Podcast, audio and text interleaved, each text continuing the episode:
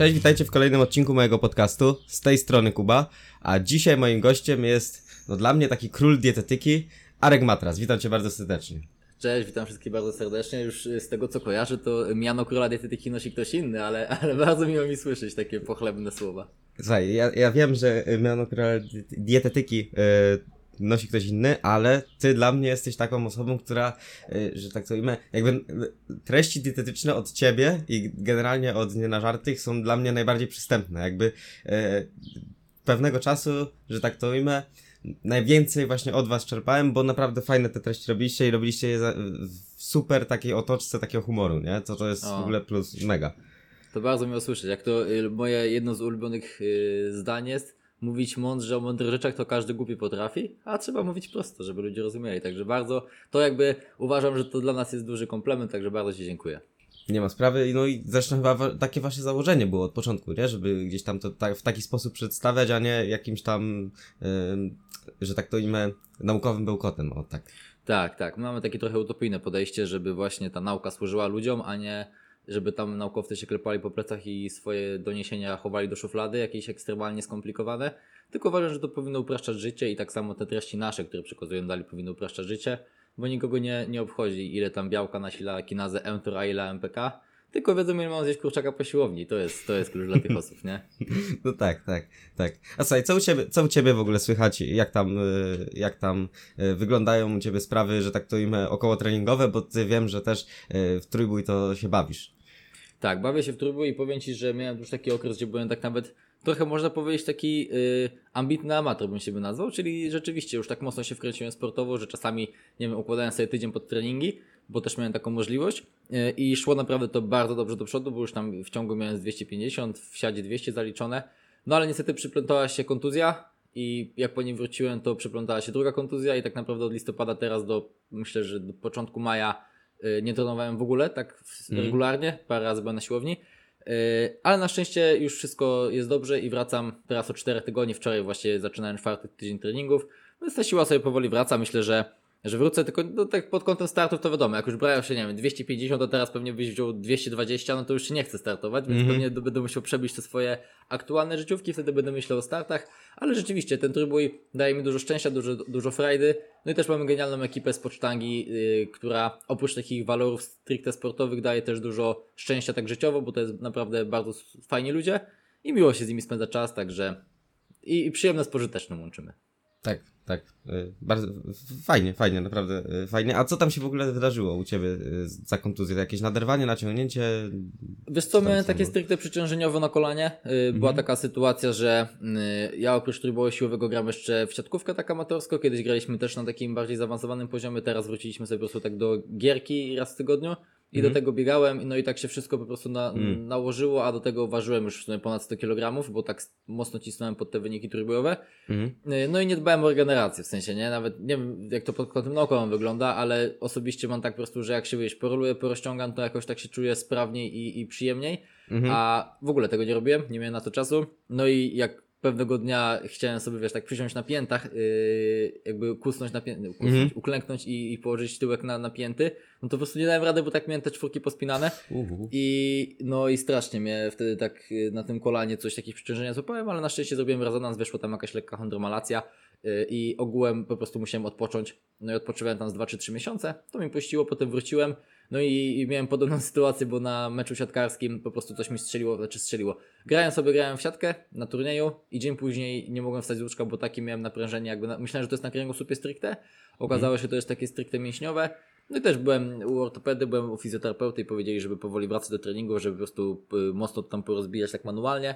Także to było takie mniej poważne, no ale takie trochę uprzykrzające, nie? Więc też mi tam, ja wiem, z miesiąc, może nawet z 6 tygodni yy, pomęczyło. No a teraz odpukać, miejmy nadzieję, że już, yy, bo ogółem nigdy nie miałem jakichś problemów z kontuzjami, więc Mhm. mam nadzieję, że tak będzie to utrzymywane. Trochę sobie schudłem i, i to też mi myślę dużo daje, nie? Że to ciało nie jest takim klocem, że jak gram w siatkę i podskoczę, to zaraz wiesz, y, wszystko się może rozsypać. Mhm. Tylko, że tak się śmieją na mnie, na mnie jest na pocztance, że atletą jestem, bo wiesz, tu rowerem na siłkę, na siatkę, tu po górach, tu, tu, tu siłka, tam takie typowe knury, co tylko trójbój. Yy, No i mają ten ukierunkowanie na wynik. Ja póki co podchodzę bardziej tak, yy, można powiedzieć, prozdrowotnie yy, i bardziej jakby, żeby dawało mi to szczęście sam proces treningowy. Mhm. a nie kierunkuję się na ten wynik, no bo to, to w sumie nic mi w życiu nie zmieni, a, a, a rzeczywiście czuję się sprawniej i zdrowiej, jak, jak robię dużo rzeczy i ważę trochę mniej. Nie no pewnie, to, no, zresztą y, trójbój no jest takim, y, niektórzy mówią, że to nie sport nawet, no, także, Mm. także no jest to taki y, specyficzna dyscyplina, że tak naprawdę wiesz, jest strasznie właśnie przeciążeniowy, tak tutaj pokazywałeś, że straszne przeciążenia, y, mocne przeciążenia działają, że łatwo te kontuzje, a właśnie y, jakby y, daje bardzo dużo satysfakcji, jakby to widać nawet, no wiesz, jak ktoś lubi chodzić na siłownię i zacznie, że tak to ujmę, ukierunkuje się y, stricte tak na wynik, że zacznie podnosić coraz więcej, coraz więcej, coraz więcej i ma do tego ku temu takie mm, taką chęć wewnętrzną, takie jakby, nie wiem, coś takiego w środku, że on lubi po prostu dużo dźwigać, no to można się zarąbiście, znaczy zarąbiście, no strasznie się można nakręcić na to, nie? No, no, no, to, to ja, czasami jak po kofeinie człowiek wleci, no to O, właśnie. łamać, łamać sztangi i przenosić góry. No ja słyszałem taki, y, taki, taki, nie czy dowcip, czy żart, takie powiedzonko, że nie jest grzechem zajebać sobie y, rekord w martwym ciągu po gramie kofeiny. No najlepsze, co można y, zdobyć. Tutaj jeszcze też powiem fun fact, że najwyższą dawką, którą przyjąłem kofeiny właśnie przed y, Ligą Martwego Ciągu, to było 800 chyba miligramów i jeszcze kawka wleciała. No O więc tam pod 900 mg, no ale rekord wziąłem, 250 pod, y, pod, wciągnąłem, także zaliczone było i to na przykład dało mi mega dużo satysfakcji, nie? Żyłem tym w ogóle wydarzeniem później kilka dni jeszcze, nie wiesz, wracałem do domu i sobie oglądałem ten filmik, mówię, ale Mhm. kozacko, nie? Że coś A podobno to jest gen trójbojarza, jak y, zrobisz nowy rekord i później przez pół nocy oglądasz y, rekord, y, w sensie na No. filmik. Tak, i to śmieszne, bo to w sumie tam nic się więcej nie dzieje, nie? To trwa 10 sekund, a ty oglądasz to setny raz i, i analizujesz, czy wiesz, co tam zagrało, co nie zagrało i tak dalej. No ale to Tak. fajna zajawka. Ale no podobno impreza przednia Iron Deadly. A byłeś kiedyś? Byłeś kiedyś? Y, Nie, ale będę teraz jechał na 100%. A, no to polecam ci, bo naprawdę jest super. Atmosfera przede wszystkim, wiesz, ta muzyczka, która leci w tle, choć teraz tą muzyczkę zlikwidowali, mam nadzieję, że do tego wrócą, ale Mhm. ogółem fajna organizacja i fajna ekipa. Ogółem te, te świ- światek trójboju na tych zawodach mam tak, że nie wiem jak tam są takie już na wyższym poziomie, ale Mhm. jak ja jadę tak amatorsko i, i znam sporo ludzi z tej branży, to mi się podoba, wiesz, z każdym się zobaczysz, przybijesz piodę, pogadasz. Właśnie też tak towarzysko y, niż tylko sportowo. Mhm. To z tego, co ja tam słyszałem, no to wiesz, zależy od federacji jakiej, nie? Mm. Y, Od, jakiej, od jakiej federacji pojedziesz, no bo y, w niektórych jest naprawdę fajnie to zorganizowane, a niektóre to jest totalne takie, wy, Mm. takie wypocin, takie nie. No, że można się zdenerwować i to ładnie. Mm. No, ale podobno, do, ale zresztą to widać, bo w dobrym kierunku się to rozwija, że wiesz, nawet masz y, takie coś tak, tak y, niby oczywistego, ale transmisja na żywo, nie? Że możesz sobie pooglądać te zawody na żywo, czy na Mhm. Instagramie, czy na YouTubie. Y, XPC się na przykład fajnie rozwija, nie? Że oni na YouTubie mają normalnie te, y, te y, transmisje, no i ta kamera jest tak właśnie i na wyjściu, i na, i na pomoście, naprawdę fajnie, fajnie się to ogląda i y, tylko później y, wyrzucają im streama zawsze za prawa autorskie, bo to wiadomo, muzyka, muzyka z tyłu leci, to, to już później streama nie ma. No. No, także tak to wygląda. E, także, a co, co u was jako u żartych w biznesie słychać? Bo to też mnie ciekawi, jak to tam e, u was aktualnie wygląda, gdzie tam w jakim kierunku zmierzacie i czy ogólnie e, aktualne czasy są wobec sprzyjające. Wiesz co, my sobie konsekwentnie działamy. Tak naprawdę od czasów pandemicznych to tylko wiadomo, ten pierwszy miesiąc pandemii, no to każdy odczuł. A potem na szczęście to już tak wracało do normy. Wiadomo, że y, w stosunku do szacunków, które mieliśmy do pandemia, czy, czy nie daj Boże wojna, nam trochę yy, pokrzyżowało, znaczy może nie pokrzyżowało plany, po prostu rośniemy wolniej niż zakładaliśmy. Mhm. Uważamy, że te czynniki dwa y, są kluczowe w tym aspekcie, y, ale stale, stale do przodu. Aktualnie już tam nas jest ponad 20 w firmie, 20 No. osób, więc y, powoli się robi taka struktura z tego. No, niestety rzutuje to na to, że coraz mniej czasu poświęcamy dietetyce, a coraz bardziej takiemu zarządzaniu. Y, Z tym, że no akurat ja jestem wydelegowany do takich zadań, że jeszcze mam to szczęście, że o dietetyce sobie czytam. Aktualnie Mhm. mam takie dwa duże projekty, bo y, piszę y, książkę, która w sumie już jest prawie na ukończeniu, taką Mhm. dedykowaną stricte dla naszych obserwujących, czyli nie dla specjalistów, tylko dla ludzi. I właśnie zamysł jest taki, czym się chcemy wyróżnić od innych książek na rynku, że to będzie w 100% oparte na literaturze naukowej, ale napisana w sposób bardzo przystępny i w bardzo praktyczny przede wszystkim. Czyli Mhm. nie będziemy pisać, że tak, tak, tak, że tam orzechy są zdrowe, tylko jak ich więcej, w jakich sytuacjach, y, jakie są najlepsze i tak dalej. Nie, żeby ludzie, jak sobie przeczytają tę pozycję, to żeby byli takimi swoimi dietetykami najlepszymi dla siebie, że tak powiem. No i robię też doktorat, y, który powoli zajmuje mi coraz więcej czasu, no więc tak akurat mocno jestem uciłany w te sprawy naukowe, no bo też do książki, yy, wiadomo, tą wiedzę ogólną mam, no bo to siedzi człowiek w tym już parę ładnych lat, ale staram się cały czas coś tam nowego, żeby to była taka książka, że nawet jak ktoś nas śledzi bardzo mocno na social mediach, to żeby się dużo z niej dowiedział nowych rzeczy, więc y, Aha. poświęcam na to naprawdę dużo czasu. W sumie od lutego ją piszę i, i, i myślę, że teraz w perspektywie dwóch, trzech tygodni skończę. No i zobaczymy, jak to tam potem będzie się działało wydawnictwo, żeby to wszystko poogarniać, nie? To są takie dwie główne rzeczy, a tak to regularnie wiadomo, współpraca dietetyczna to jest taki nasz główny core, na tym głównie działamy. Kursy robimy, teraz zaczęliśmy newsletter dietetyczny, więc wszystko obraca się wokół jakby usługi dietetycznej, czyli współpracy jeden na jeden, plus takich działań edukacyjnych dla ekspertów z branży dietetycznej, czyli głównie kursy, ale też newslettery. Mhm, no, fajnie. A ta książka normalnie papierowa będzie, to nie będzie. Tak, tak, chcemy O, taką fizyczną zarobiście. książkę, żeby była, wiesz, można było postawić na półce i, i, i żeby było spoko. No Tak, jak będzie preorder, to weź mi tam nawet na privie linka wyślij? No, oczywiście, dedykacją specjalną będzie. O, super. No, nie, ku- ja, ja ogólnie uwielbiam książki papierowe pod tym względem, jakby ja bym mógł je kupować i wiesz, nie czytać, nie? Ale fajnie jak jest.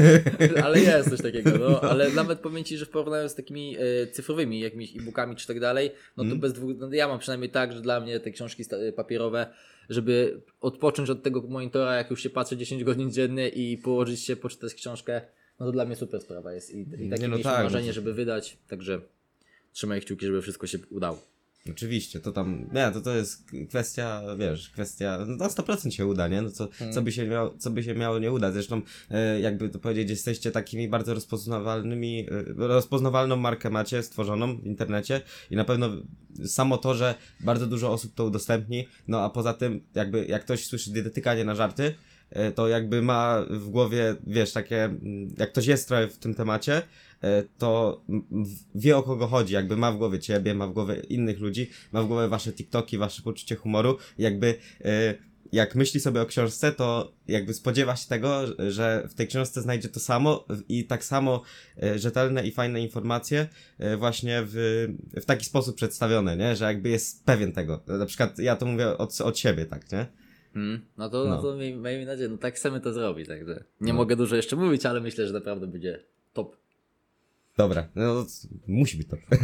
no, ale słuchaj, bo ja dzisiaj e, z tobą chciałem e, porozmawiać e, właśnie o diecie w trójboju, bo no, jest to taki temat, gdzie myślę naszych słuchaczy, moich słuchaczy, zresztą twoich też, bo na pewno od ciebie też parę osób przyjdzie, interesuje, w tym odcinku interesowałby najbardziej. Także w taki prosty sposób chciałbym, żebyśmy to, żebyś ty to przede wszystkim mówił, tak żeby każdy z nas e, wyszedł z tego podcastu w taki sposób, że mm, on wie, że mm, on będzie wiedział, w jaki sposób się odżywiać, by ten wynik był jak najlepszy, by na przykład e, nie było takich sytuacji, że e, tak wiesz, są filmy na martw- z martwego ciągu, jak ktoś fajnie mu tam jakiś fontanna poleci, nie?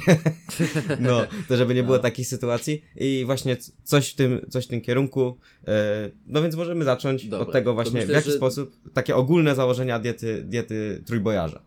To przede wszystkim jedną z istotniejszych rzeczy, którą trzeba powiedzieć na samym początku, jest to, że pod kątem żywieniowym yy, i pod kątem wzrostu siły maksymalnej, yy, najważniejszy będzie wzrost masy mięśniowej, bo yy, ten przekrój poprzeczny mięśnia bardzo mocno jest powiązany z siłą maksymalną i to jest to coś, coś, co widzę wśród takich początkujących ludzi, że oni boją się tego wzrostu masy ciała, mówią, że o, ja nie chcę się ulać na lato i tak dalej, i tak dalej. I ograniczają przez to swój potencjał. Wiadomo, że mechanizmów produkcji siły i jakby kształtowania siły jest kilka co najmniej, y, ale jeżeli dochodzimy już do pewnego poziomu technicznego, do pewnego poziomu wytrenowania układu nerwowego, to ten wzrost masy mięśniowej będzie głównym czynnikiem, który tę siłę będzie y, zwiększał. No i teraz, kiedy my będziemy na przykład cechować się wysokim wzrostem, ale niską masą mięśniową, czyli będziemy tacy stosunkowo szczupli, to Mhm. nigdy nie osiągniemy swojego maksymalnego potencjału siłowego, który moglibyśmy osiągnąć zwiększając tę masę ciała.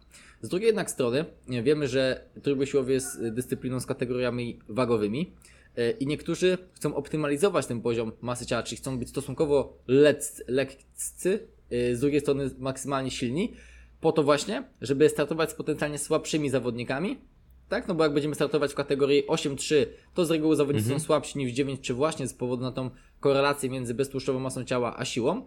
E, No i tutaj trzeba jakby na podstawie głównie predyspozycji danej osoby i głównie jej wzrostu, y, tę odpowiednią masę ciała dobrać. Na przykład 1,90 m nigdy nie będzie startował w kategorii 7,4, a przynajmniej nie będzie elitarnym zawodnikiem trójboju siłowego, bo po prostu jego szkielet nie pozwoli mu zbudować odpowiedniej ilości masy mięśniowej względem niższych zawodników, żeby osiągać takie y, wysokie rezultaty.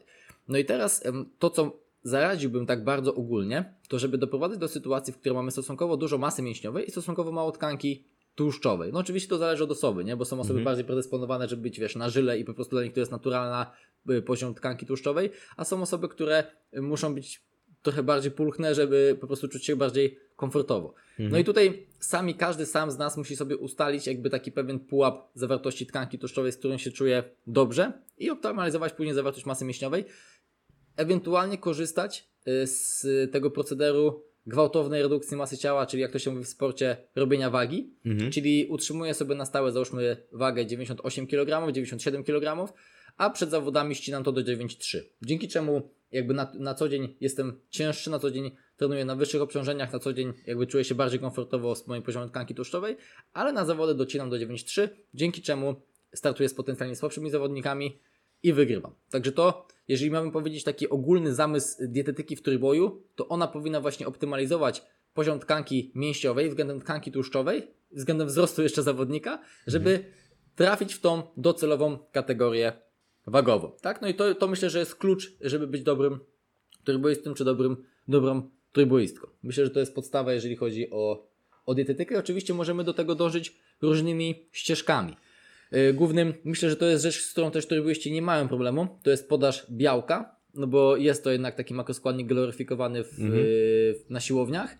Mm, I trójbój siłowy jest o tyle y, mniej skomplikowanym sportem w porównaniu z innymi dyscyplinami, sportami wytrzymałościowymi, sportami drużynowymi i tak że tutaj ta y, szczegółowość dietetyczna nie jest tak istotna, bo y, czy to one rep max, czy to nawet kilka powtórzeń na treningu w serii typu 4-5 powtórzeń, podczas takich jednostek treningowych my wykorzystujemy głównie energię pochodzącą z fosfokreatyny, z rozpadu ATP, no i tam czasem, nie wiem, przy 5, 6, 7 powtórzeniach, no już włącza się glikoliza, glikoliza beztlenowa, gdzie wykorzystujemy węglowodany.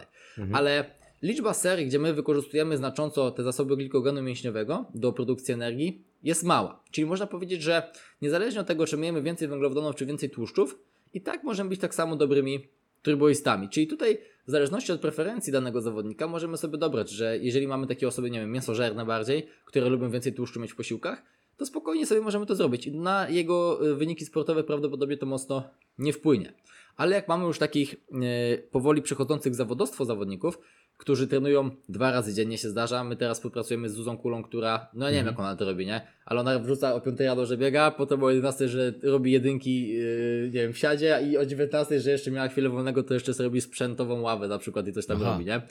To u takich, no, u takich zawodników, to jakiś taki ekstremalny przypadek podałem, nie? Ale u Mhm. takich zawodników, wiadomo, wtedy już optymalizacja węglowodanów jest bardzo znacząca. Ale u 90, myślę, 9% turboistów to robi po prostu mniejsze znaczenie. Ale to, co uważam, że będzie robić znaczenie przede wszystkim pod kątem zdrowotnym, no to jest y, cały ten taki potencjał zdrowotny diety i uważam, że to w polskim trójboju mocno leży.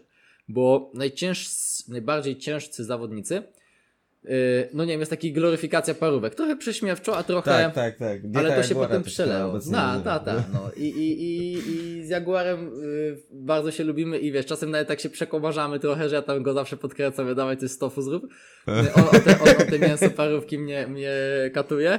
Y, Ale wiesz, y, osoby później, y, które mogą to podłapać, y, no jakby, że tak powiem, to może być czasem długi ogon, nie? Że ilość przetworzonego mięsa w diecie polskich turboistów uważam, że jest za wysoka, tak generalizując.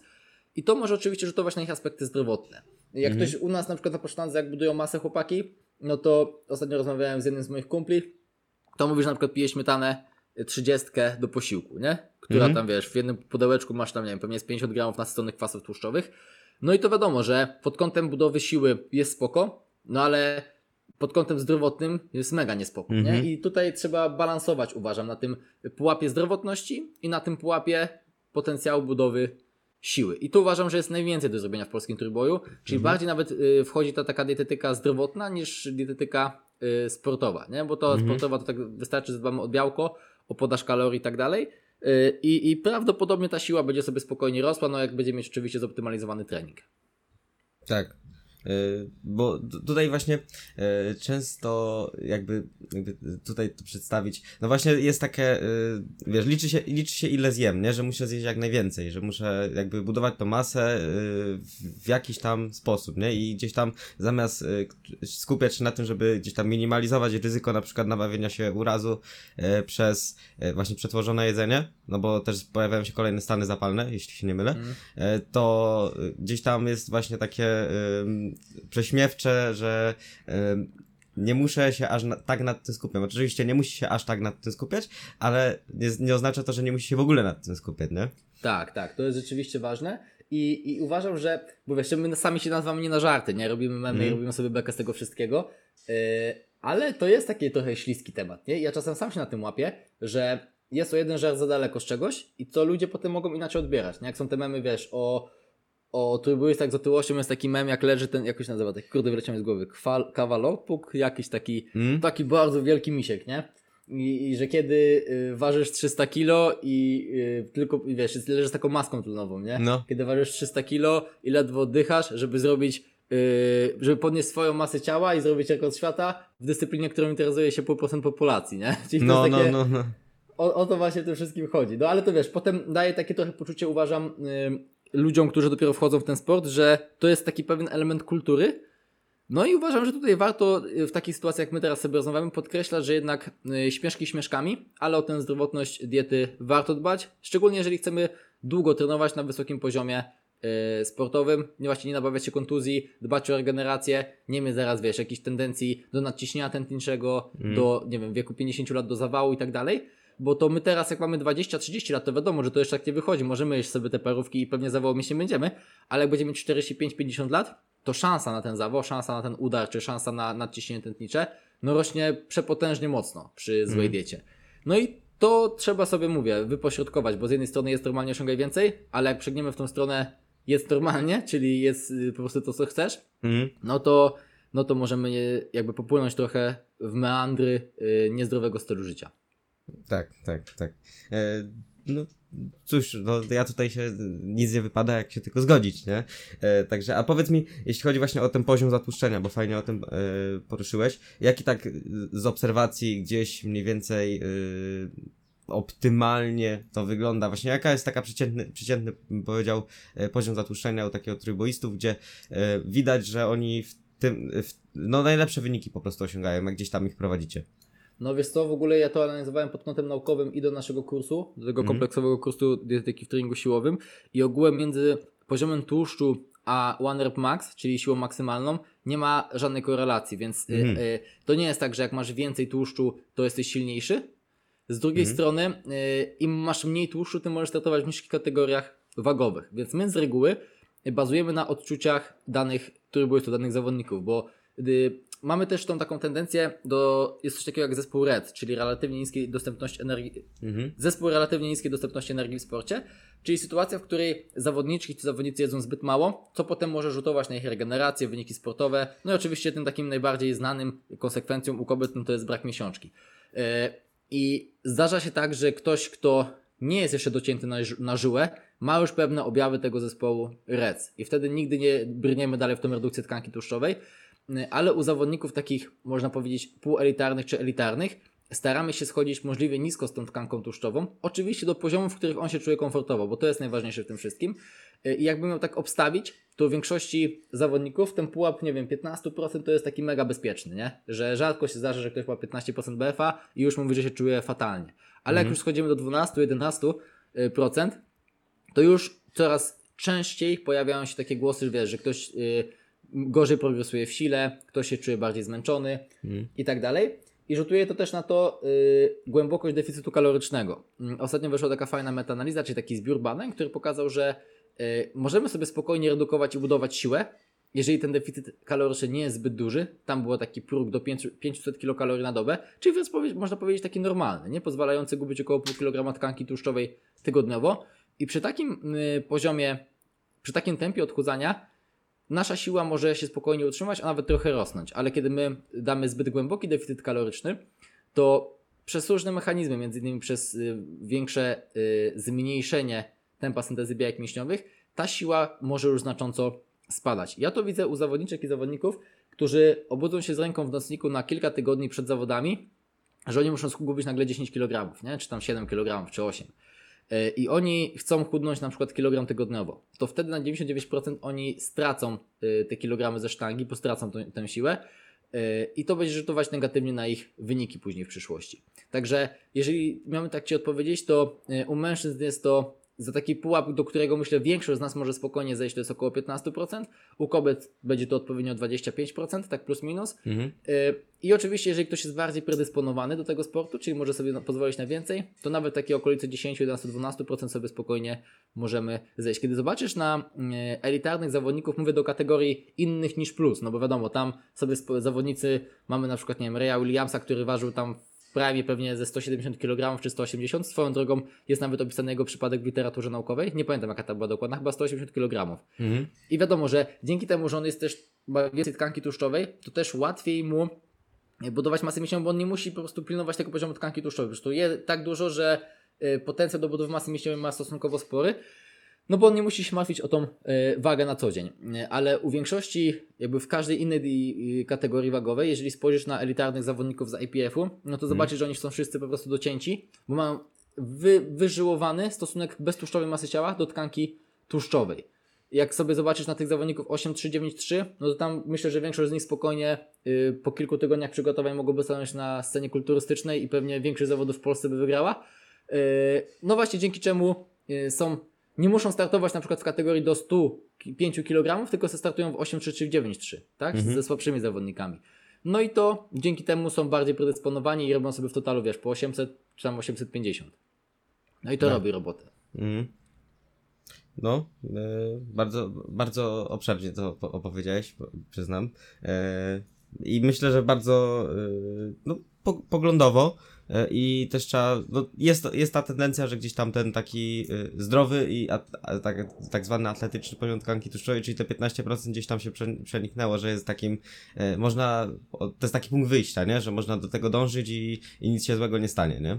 Tak, no i tutaj chcę też podkreślić, nie, że to wynika bardziej z naszych obserwacji niż z jakiejś literatury naukowej, ale rzeczywiście tak jest, nie, że te 15% to jest takie zdrowe dla większości osób, nie rzutuje negatywnie na aspekty takie psychologiczne, że ktoś się czuje zmęczony, podjada i, i tak dalej. Mhm. A jeśli chodzi o rozkład makroskładników, bo to też jest dosyć e, ciekawy temat w tym trójboju, też zresztą go poruszałeś po drodze, ale jeśli według Ciebie miałby tak e, w takim idealnym świecie, byś powiedział, że miałbyś osobę zero, której jest wszystko jedno i miałbyś rozłożyć e, te makroskładniki, to w jaki sposób byś tam to, że tak to imię, rozdysponował? Dobra, to występujemy najpierw o rekomendacjach naukowych, a potem zawężę te rekomendacje do tego, co my robimy w praktyce. Dobra. Bo rekomendacje naukowe, zaczynając od białka, mówią o tym, że ma być to między 1,6 a 2,4, w zależności od tego, czy masujemy, redukujemy, jaki mamy poziom tkanki tłuszczowej, jaki mamy głęboki deficyt kaloryczny i tak dalej. My z reguły trzymamy się około tych 2 gramów na kilogram masy ciała, bo u większości zawodników jest to bardzo praktyczne, że e, te posiłki są smaczniejsze, no żeby zaraz nie było, wiesz, że ktoś trzyma na siłę 1,6 gram białka na kilogram masy ciała, do tego masuje i, i robi się tak, że jest 120 gramów makaronu na posiłek do tego ma 80 gramów kurczaka, bo to jest po prostu niepraktyczne, nie? Mhm. Także czasami zdarza nam się to podbić, ale z reguły między 1,6 a 2 gramy y, trzymamy podaż białka. Y, po drugie mamy y, podaż tłuszczu. No i jeżeli chodzi o rekomendacje, no to te rekomendacje y, stanowisk naukowych mówią o tym, że ma być taka sama podaż tłuszczu jak w populacji ogólnej, czyli dla Polski jest to między 20 a 35% wartości kalorycznej diety. Czyli możemy sobie wiesz, ustalić i 20 i 35 i prawdopodobnie będzie ok. My to zawężamy u większości osób między 25 a 30%. Yy, bo to jest takie też pod kątem praktycznym najlepsze, że te posiłki są smaczniejsze, że to nie jest tak, że jak damy, jak 20% kalorii z diety pochodzi z tłuszczów, że nie możemy sobie dać, albo damy, musimy dać 15 gramów masła orzechowego na omleta, no bo to jest, wiesz, taka warstwa, że nawet jej nie, nie czuć, nie? Tak, Z tak. drugiej strony, jak mamy 35% kalorii z diety, no to zaraz te posiłki się po prostu robią tłuste, ciężej Mhm. strawne i tak dalej. Więc my sobie zamierzamy to do między 25 a 30%, uważamy takie za taki złoty standard, ale oczywiście zdarzają się sportowcy, gdzie z uwagi na większą objętość treningową schodzimy z tymi tłuszczami niżej, nawet do 20%, żeby zrobić więcej miejsca na węglowodany. No tutaj Mhm. Zuza jest świetnym przykładem, bo z jej objętością treningową, z jej liczbą treningów w skali tygodnia yy, i też taką różnorodnością, że to nie jest tylko, wiesz, dwa ruchy na wyciskanie i potem 10 minut przerwy, to u nich yy, te węgle naprawdę robią znaczenie i wtedy schodzimy niżej z tymi tłuszczami. No i reszta kalorii, które mamy w diecie, pozostają na węglowodany. W zależności od zapotrzebowania kalorycznego, od tego, kto jak pracuje na co dzień, no bo trójbój, tak jak wspomnieliśmy, nie jest dyscypliną, że ktoś się może z tego utrzymywać. No i większość osób po prostu pracuje normalnie. Mhm. No Jak ktoś pracuje, załóżmy, nie wiem, yy, mam ziomków z podsztangi, którzy tam pracują w firmach kurierskich, no to oni na przykład robią 20 tysięcy czy 30 tysięcy kroków. Mam ziomka, który robi 30 tysięcy kroków dziennie. No to u niego wiadomo, podaż kaloryczna będzie większa, przez to on tych węgli też może sobie zjeść wtedy więcej. A są osoby, które pracują jako trenerzy, online na przykład, siedzą większość czasu przed komputerem, tak jak ja na przykład, jako dietetyk, no to ta zapotrzebowanie kaloryczne jest mniejsze, nie? Więc jakbym miał tak mówić, w gramach na kilogram masy ciała dla węgli, no to myślę, że jest to między 3 a 6-7 gramów na kilogram masy ciała, z taką średnią około 4 gramów, nie? Czy to nie jest taki sport jak bieganie, czy piłka nożna, czy siatkówka, gdzie tych węgli jest 7, 8, 9 gramów na kilogram masy ciała, tylko, tylko y, stosunkowo mniej, no bo ta objętość treningowa trójboistów jest po prostu mniejsza. Czas samego, samej aktywności fizycznej, którą podejmują, czasu pod napięciem, jest mniejszy niż w innych dyscyplinach sportowych. Tym się też ten trójbój cechuje. Tak, tak.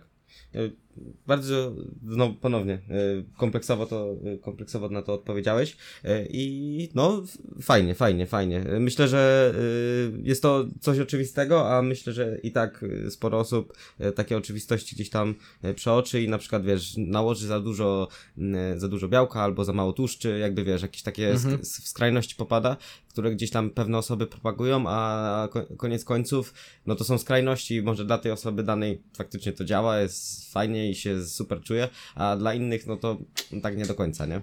No, tu powiem Ci też ciekawostkę, taką naukową, że y, turbój siłowy uważam, że jest jedną z niewielu dyscyplin sportowych, gdzie na przykład dieta ketogeniczna mogłaby y, mieć swoje miejsce Mhm. i prawdopodobnie byłoby tak, że ten wzrost y, One Rep Max byłby tak samo dobry, ale z uwagi na fakt, że kilka prac, no bo to jest tak, że dieta keto w sportach siłowych jest tak samo dobra albo troszeczkę gorsza, no i właśnie mając pod uwagę to, że to jest troszeczkę gorsze może być, to my nie układamy takich jadłospisów dla, dla naszych podopiecznych, Y, ale jakby ktoś się uparł, to uważam, że pod kątem naukowym, obiektywnym nie powinno się go zniechęcać do stosowania diety keto, jeżeli na przykład ona mu bardzo pasuje, tak wiesz, do stosowania na co dzień, bo, no bo ta podaż węglowodanów nie jest czynnikiem limitującym, ta, czy ta wartość glikogenu mięśniowego nie jest czynnikiem limitującym w takim typowym trój- trójbojowym treningu, bo jak ktoś ma taką, nie wiem, y, jakiś y, cykl hipertroficzny, gdzie naprawdę katuje tam po kilka, kilkanaście serii na partię mięśniową y, w, y, i ma, nie wiem, 8-12 powtórzeń,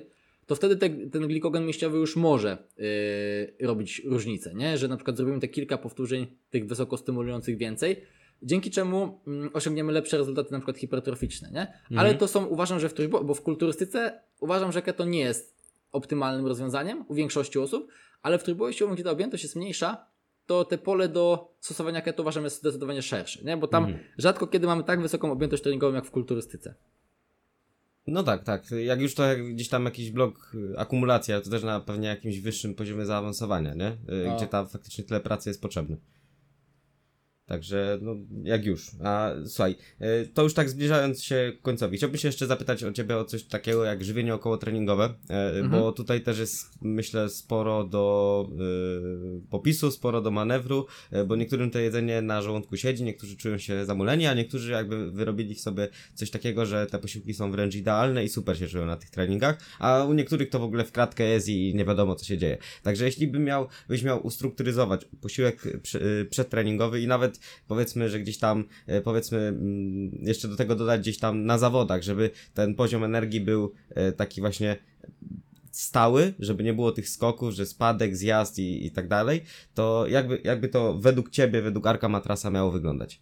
No przede wszystkim uważam, że pod kątem trójboju najważniejszy jest komfort żołądkowo-jelitowy. Yy, Tak jak wspomniałeś o tych fontannach z buzi, czyli wymiotach, czy też wzdęciach jakichś. Wiesz, czasem się zdarza tak, że ktoś się naje, idzie na trening, ma jakieś ciężkie siady, musi dopiąć pas, no i to jest yy, taka presja z tyłu głowy, że gdzieś pojawiają się wzdęcia, gazy i tak dalej. Może trochę ten trening utrudniać, więc przede wszystkim te posiłki powinny być stosunkowo niskotłuszczowe, może nawet nie niskotłuszczowe, ale po prostu nie powinny być bogato tłuszczowe. Załóżmy te 20 gramów tłuszczu na posiłek to jest taki arbitralny maks, który, yy, który powinniśmy wrzucać i raczej powinniśmy iść w stronę niższych wartości, typu na 10-5 gramów na posiłek, z tego względu, że ten tłuszcz wydłuża czas pasażu jelitowego, może powodować większe wzdęcia. Yy, możemy sobie wrzucić spokojnie 24 gramów białka i my mamy taką zasadę niepisaną, y, która wynika też z literatury naukowej, tak trochę dmuchając na zimne, żeby było 1 gram węgli na kilogram masy ciała. Czyli jak ktoś waży 60, gramów, 60 kg, to żeby przynajmniej te 60 gramów węgli się pojawiło y, w tym posiłku przedtreningowym, co zaspokoi po prostu poziom glikogenu wątrobowego, y, też zwiększy trochę stężenie glukozy i są takie ścieżki m, bardziej już jakby w dyskursie akademickim można sobie tak dyskutować, czy na przykład wpływ tego wyższego stężenia glukozy we krwi będzie rzutował na działanie centralnego układu nerwowego. Może tak być nie musi. My znów dmuchając na zimne, co też pokazuje takie nasze doświadczenie, że jak się tak zjemy trochę większy posiłek z węglami, to z reguły ten trening przebiega przyjemniej, tylko że to są mówię, znów nasze obserwacje. E, I ten posiłek dajemy na od jednej nawet do 4 godzin przed treningiem. U większości osób jest to między 1 a 2 godziny przed treningiem, taki posiłek, nie? Dzięki czemu mamy ten posiłek lekkostrawny. E, Po drugie, mamy ten zastrzyk energii w postaci węgli i może to rzutować na nieco lepszy trening, e, po prostu wykonany dzięki temu, że te wszystkie czynniki spełnimy. Jest też taka tendencja, że y, treningi trójboju, szczególnie te, jak ktoś ma na przykład sekcję i wiesz, jest całą ekipą, pojawiają się jakieś tam śmieszki w trakcie, wiesz, ktoś robi siady, więc ty musisz go zas- zaasekurować, ława jest zajęta, więc musisz trochę poczekać. Y, no to u nas dużo osób, naprawdę dużo osób trenuje powyżej 2,5 godziny. 2-3 godziny, a jak ktoś jest przewod zawodami i tak już podchodzi mega ambitnie, to zdarzają się zawodnicy, którzy trenują pod 4 godziny, serio, nie? To wiadomo, że dla większości z nas się wydaje abstrakcyjne, no bo to jest jedna czwarta, nie jedna czwarta, jedna, no ja już nie chcę matematycznie tam, ale bardzo duży czas w ciągu dnia e, i nie jesteśmy w stanie tyle poświęcić, ale tak się zdarza.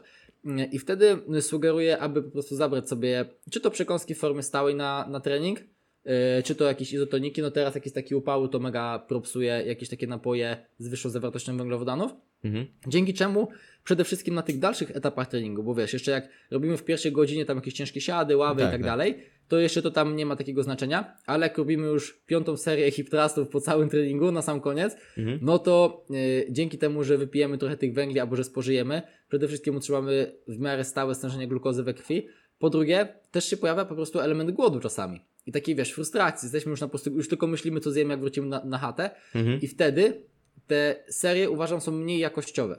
I dzięki temu, że mamy to jedzenie podczas treningu, to możemy zrobić naprawdę trening na 100% z każdą serię, nawet te ostatnie, które wiemy, czasami trochę sobie luzujemy to nie serię, choć nie powinniśmy tego robić, no bo mentalnie nie dajemy rady utrzymać skupienia przez 3 godziny na przykład treningu. Więc my, e, to jest, jest też mocno zależne od osoby i z reguły im bardziej jest ktoś zaawansowany i ma większą objętość treningową, czyli robi więcej serii i więcej powtórzeń, w taki sposób jakby umówmy się, policzmy pod kątem węglowodanów tę, tę objętość treningową, y, to wtedy włączamy y, te węglowodany. I najczęściej dajemy między pię- 15 a 30 gramów węglowodanów na posiłek, bo to znów nie jest maraton, że musimy dostarczać tych węgli, bo inaczej po prostu wypuszczamy glikogen mięśniowy, tylko bardziej robimy to po to, aby nie dopuszczać do głodu, aby utrzymywać w miarę stałe stężenie glukozy we krwi, bo tak jak mówię, są przesłanki, że może to rzutować na działanie centralnego układu nerwowego, choć nie musi. No i po drugie ten ele- element głodu się jakby odsuwamy w czasie, tak? Czyli te ostatnie serie, bo to właśnie głównie o nie chodzi, te nie wiem, dwa, trzy ćwiczenia ostatnie,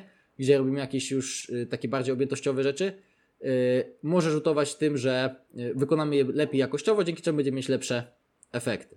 I w ten sposób będę do żywienia około treningowego podchodził. Super, super. Bardzo. Żeby też było jeszcze praktycznie, może powiem, przepraszam, jeszcze ci wejdę słowo. Hmm? Y, Jeżeli ktoś, nie wiem, redukuje tkankę tłuszczową, czy po prostu dba o tą zdrowotność diety, to ja polecam, żeby sobie wziąć banana, bo on jest bardzo, w sensie nie trzeba go brudnymi rękami dotykać, tylko wiesz, masz skórkę, która od tego chroni. No tak. Na przykład nie, nie polecam brać jakichś y, suszonych owoców z tego względu, że jak mamy brudne łapska od sztangi, od magnezji, to po prostu jedząc jest większa szansa na jakieś zatrucie pokarmowe, y, bo musimy, wiesz, złapać tego daktyla i go zjeść.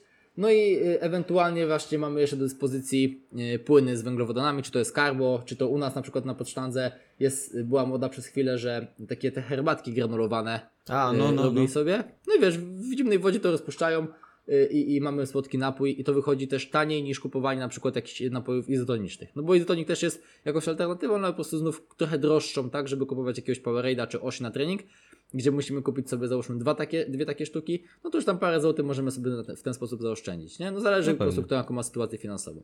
Ale warto o te węgle dbać. Tak jest. Tak jest. Słuchaj, bardzo Tobie dziękuję. E, Myślę, że naprawdę e, przepotężnie konkretny był ten podcast pod tym, pod kątem, którym chcieliśmy go poprowadzić. I takie pytanie na koniec ode mnie. Jeśli miałbyś nas zostawić e, z pewną taką rzeczą, z pewną taką, nie wiem, swoją mantrą, sentencją, czy czymkolwiek by to było, nawet nie musi być stricte dietetyczne czy treningowe, takie po prostu życiowe od Arka Matrasa dla słuchaczy, to co by to było? Ło, fajne pytanie, ciekawe. Mhm. Daj mi dosłownie sekundę.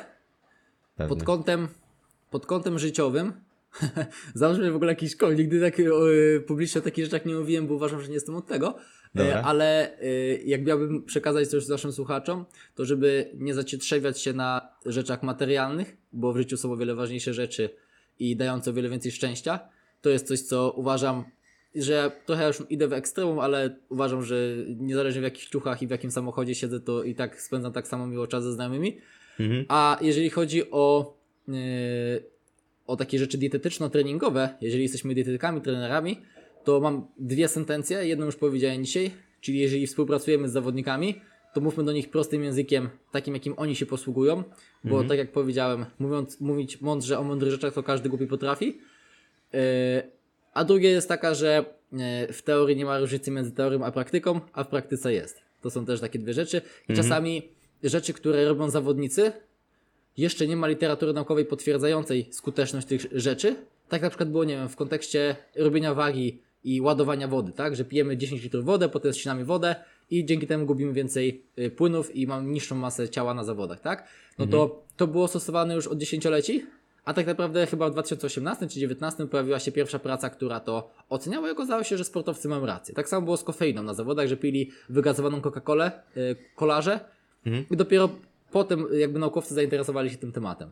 Czyli wiadomo, jest też mnóstwo pomysłów, które nie działa, nie? Jak nie, suplementacja BCA czy coś, ale, ale, ale zdarza się tak, że jakieś takie, żeby słuchać tych zawodników, bo czasem ich pomysły, ich rady naprawdę są spoko i można potem y, przenosić je na innych zawodników, z którymi współpracujemy. Tak, żeby się nie zacietrzewiać na żadną ze szkół, nie? Że jestem albo teoretykiem, który jak nie ma badania, to nie wie, którą ręką się podetrzeć, albo z drugiej strony praktykiem, który a tam mi gadają całe życie, ludzie brali BCA i rośli i teraz nagle mówią, żeby nie brać, nie? No to trzeba to Tak. wypośrodkować jednak. Dokładnie. Słuchaj, bardzo Tobie dziękuję e, za ten poświęcony czas. E, I co? Życzę wszystkiego dobrego i samych progresów na treningu. Dobra, bardzo dziękuję. Jeżeli ktoś jeszcze, pozwolę sobie blok reklamowy wyrzucić, nie obrazisz się? Wrzucaj, wrzucaj. Bo gadaliśmy dużo o tym trójboju i miałem tak, jest. że pewne, pewne rzeczy musiałem, kurde, y, tak jakby nie, nie wypowiadać się o nie, bo byśmy gadali tu ze 4 godziny. Tak, Nie. tak zawsze jest.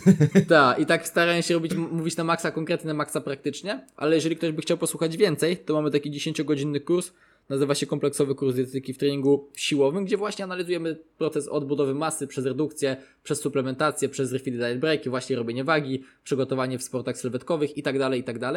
I, mamy do przyszłego, nie wiem kiedy będziemy wrzucać to, E, W to czwartek może będzie. datą. Ten czwartek. czwartek będzie, czyli do poniedziałku, 30. czyli do, tak, do 4 lipca y, jest promocja aktualnie na naszej stronie dedykajnażarty.pl, kompleksowy kurs dietetyki w treningu siłowym, więc jakby ktoś sobie chciał sprawdzić, to, to zapraszam. Pewnie. Link macie w opisie. Zresztą, jak sobie zobaczycie, zobaczycie, to będzie pierwszy link od góry. Także będzie to bardzo dziękuję. link w opisie i e, ja też również Was zapraszam do zakupu tego kursu. E, I tu dużo mówić. Dzięki wielkie, Arek. Dzięki Kuba, dzięki. Bardzo fajnie się gadało. Również. Dzięki, trzymaj się, na razie i cześć. Cześć.